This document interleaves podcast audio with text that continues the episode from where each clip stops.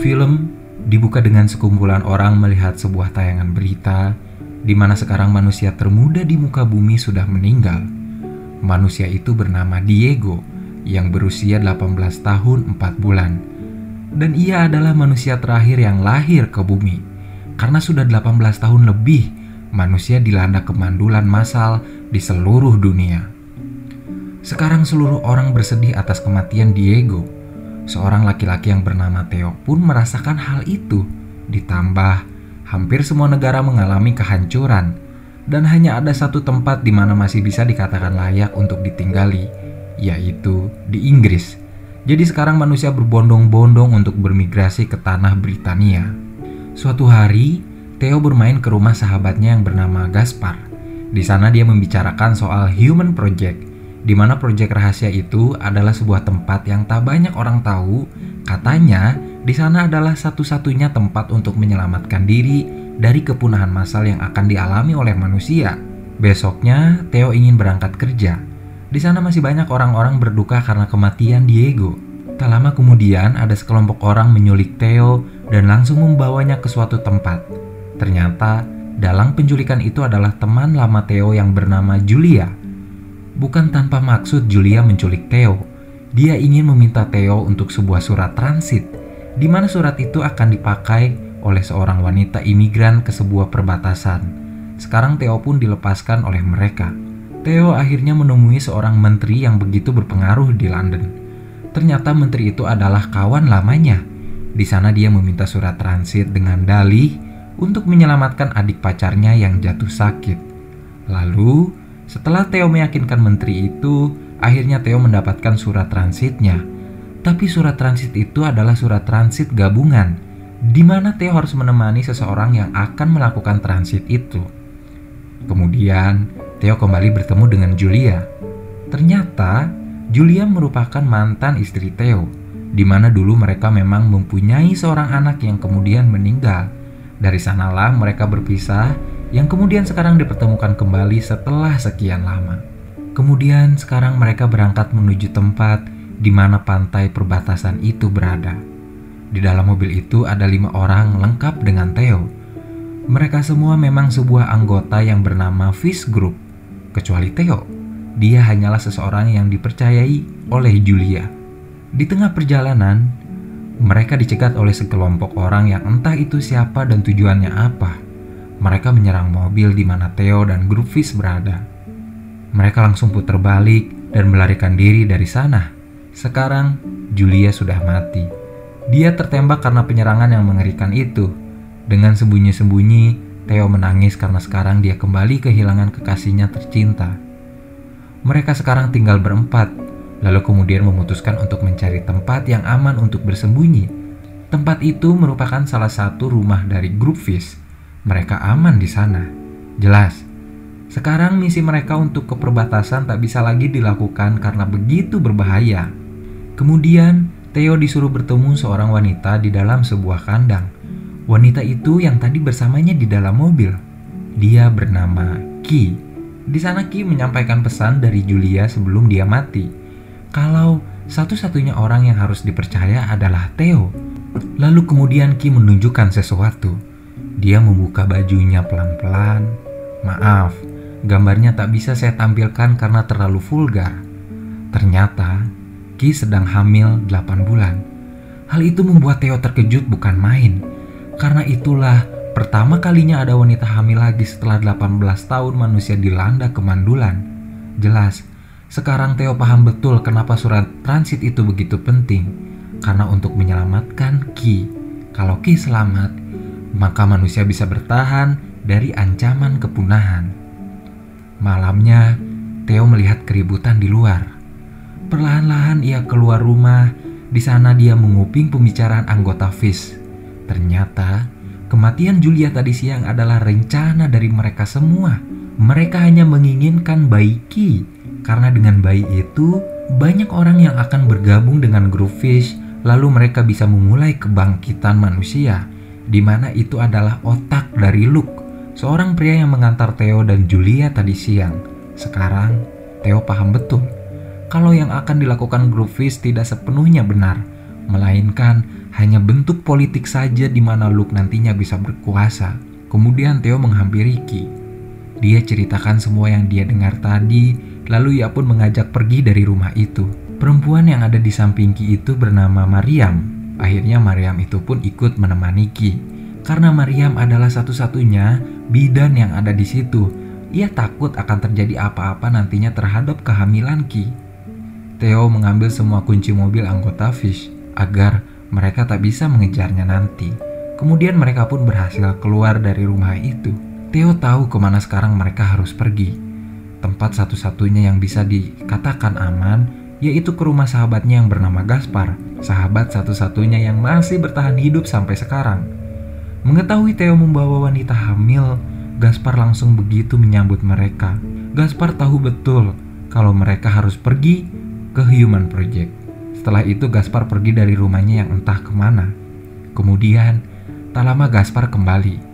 Ia memberitahu kalau temannya yang bertugas sebagai tentara di perbatasan bisa mengantar mereka menuju perbatasan tapi mereka harus menyamar dulu sebagai imigran agar ditangkap dan dimasukkan ke dalam tempat pengungsian.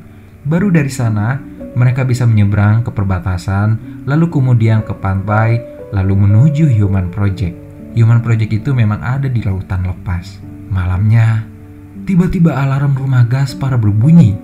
Di luar ada Groovis yang sudah tahu keberadaan Theo dan Ki. Theo langsung pergi dari sana bersama Ki dan Mariam Ternyata Gaspar tak ikut. Ia akan memperlambat Groovis untuk mengejar Theo dan Ki. Theo menuju sebuah sekolah yang sudah lama tak dipakai. Karena sudah 18 tahun, tak ada lagi anak kecil. Ia ke sana karena disuruh Gaspar. Di sana, nanti ia akan dijemput oleh temannya yang tentara itu.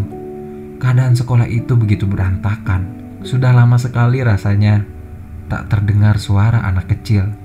Dunia begitu hening tanpa anak kecil. Jadi 50 tahun dari sekarang, manusia akan benar-benar diambang kemusnahan. Maka dari itu, kehamilan Ki adalah sebuah anugerah untuk semua umat manusia. Tak lama kemudian teman Gaspar datang dan langsung membawa mereka untuk diantar menuju tempat imigran dan akan berangkat menuju tempat pengungsian. Sekarang, mereka pun sedang dalam perjalanan menuju tempat pengungsian. Di dalam bis, Bersama imigran yang lainnya, tentu saja wajah mereka tak ada yang bahagia karena memang sudah tak ada lagi harapan untuk manusia. Tak lama kemudian, perut Ki menunjukkan tanda-tanda dia mengalami kontraksi. Perutnya mulai terasa begitu sakit. Sekarang mereka sampai di pemeriksaan pertama. Di sana akan dipilih beberapa orang imigran yang mencurigakan. Mariam, satu-satunya orang yang selama ini menjaga Ki dan sekaligus seorang bidan tak lolos dari pemeriksaan itu. Ia pun dikeluarkan dari bis. Sekarang tinggal Theo dan Ki. Mereka berdua akhirnya sampai di tempat pengungsian. Perut Ki semakin sakit. Ketubannya sudah pecah. Sebentar lagi ia akan melahirkan. Mereka akhirnya diantar seorang imigran wanita bernama Marika menuju tempat penginapan. Di tempat pengungsian memang sudah tak ada lagi listrik. Maka dari itu, ketika malam, di sana begitu gelap gulita. Setelah sampai kamar, Theo dengan sebisanya membantu Ki untuk melahirkan. Di sana kita benar-benar melihat bagaimana perjuangan seorang wanita untuk melahirkan. Mungkin begitu menyakitkan. Semoga para wanita yang melahirkan selalu diberi kekuatan yang tak terkira. Akhirnya bayi Ki lahir. Inilah bayi pertama yang lahir setelah 18 tahun manusia dilanda kemandulan. Paginya, ada seorang laki-laki datang ke kamar mereka. Akhirnya, laki-laki itu mengetahui kalau di sana ada seorang bayi. Tentu saja mereka semua kaget bukan main termasuk Marika. Laki-laki itu bukanlah laki-laki yang baik. Malah dia ternyata ingin membawa Ki dan Theo ke anggota grup Fish. Karena mereka memang sangat dicari-cari oleh anggota Fish. Laki-laki itu berpikir akan sangat banyak uang yang akan diterimanya jika ia menyerahkan Theo dan Ki ke grup Fish. Untung saja mereka berhasil menyelamatkan diri. Sekarang mereka harus mencari perahu. Di sana, keadaan mulai kacau karena akan terjadi revolusi yang besar-besaran.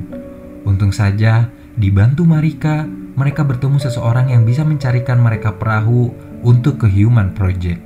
Sekarang mereka berangkat menuju perahu itu berada. Tapi keadaan sudah sangat kacau. para imigran sekarang saling baku tembak dengan tentara. Saat ingin sampai, di sana anggota FIS datang dan langsung menangkap Ki. Untung saja Theo berhasil melarikan diri. Theo menyuruh Marika untuk diam di sebuah terowongan dan menantinya di sana. Sekarang Theo berusaha mencari Ki yang sudah ditangkap oleh anggota FIS yang bernama Luke. Di bawah hujan peluru, Theo masuk ke dalam sebuah gedung. Di sana sudah porak-poranda akibat peperangan dia mencari keberadaan Ki. Kemudian Theo mendengar dengan sangat jelas di sana terdengar suara tangisan bayi. Setelah ketemu, dia langsung membawa Ki kabur dari sana dan menghindar dari Luke. Sekarang orang-orang sudah mengetahui kalau ada bayi di sana. Mereka benar-benar terkejut. Mereka semua langsung memberi jalan untuk Ki dan Theo. Bayi itu adalah tanda di mana harapan kembali ada. Bahkan sekarang, Tentara yang mengetahui ada bayi di sana langsung menghentikan tembakan. Mereka semua juga ikut terkejut. Keadaan begitu mengharukan sekarang. Para tentara dan imigran bahkan untuk sejenak berhenti saling baku tembak untuk memberi Theo dan Ki dan bayinya lewat. Akhirnya, sekarang mereka diantar kembali oleh Marika untuk menuju di mana perahu itu berada. Di sana mereka tak ikut. Dia rela dirinya diam di sana asalkan bayi itu bisa selamat. Sekarang Theo dan Ki beserta bayinya menuju lautan lepas. Sebentar lagi ia akan sampai ke Human Project, tapi mereka tahu mereka sudah telat. Human Project tak akan menunggu mereka, tapi Theo percaya Human Project akan kembali dan menjemput Ki dan bayinya. Ternyata perut Theo tertembak di gedung tadi sewaktu mencari Ki. Sekarang bayi itu menangis.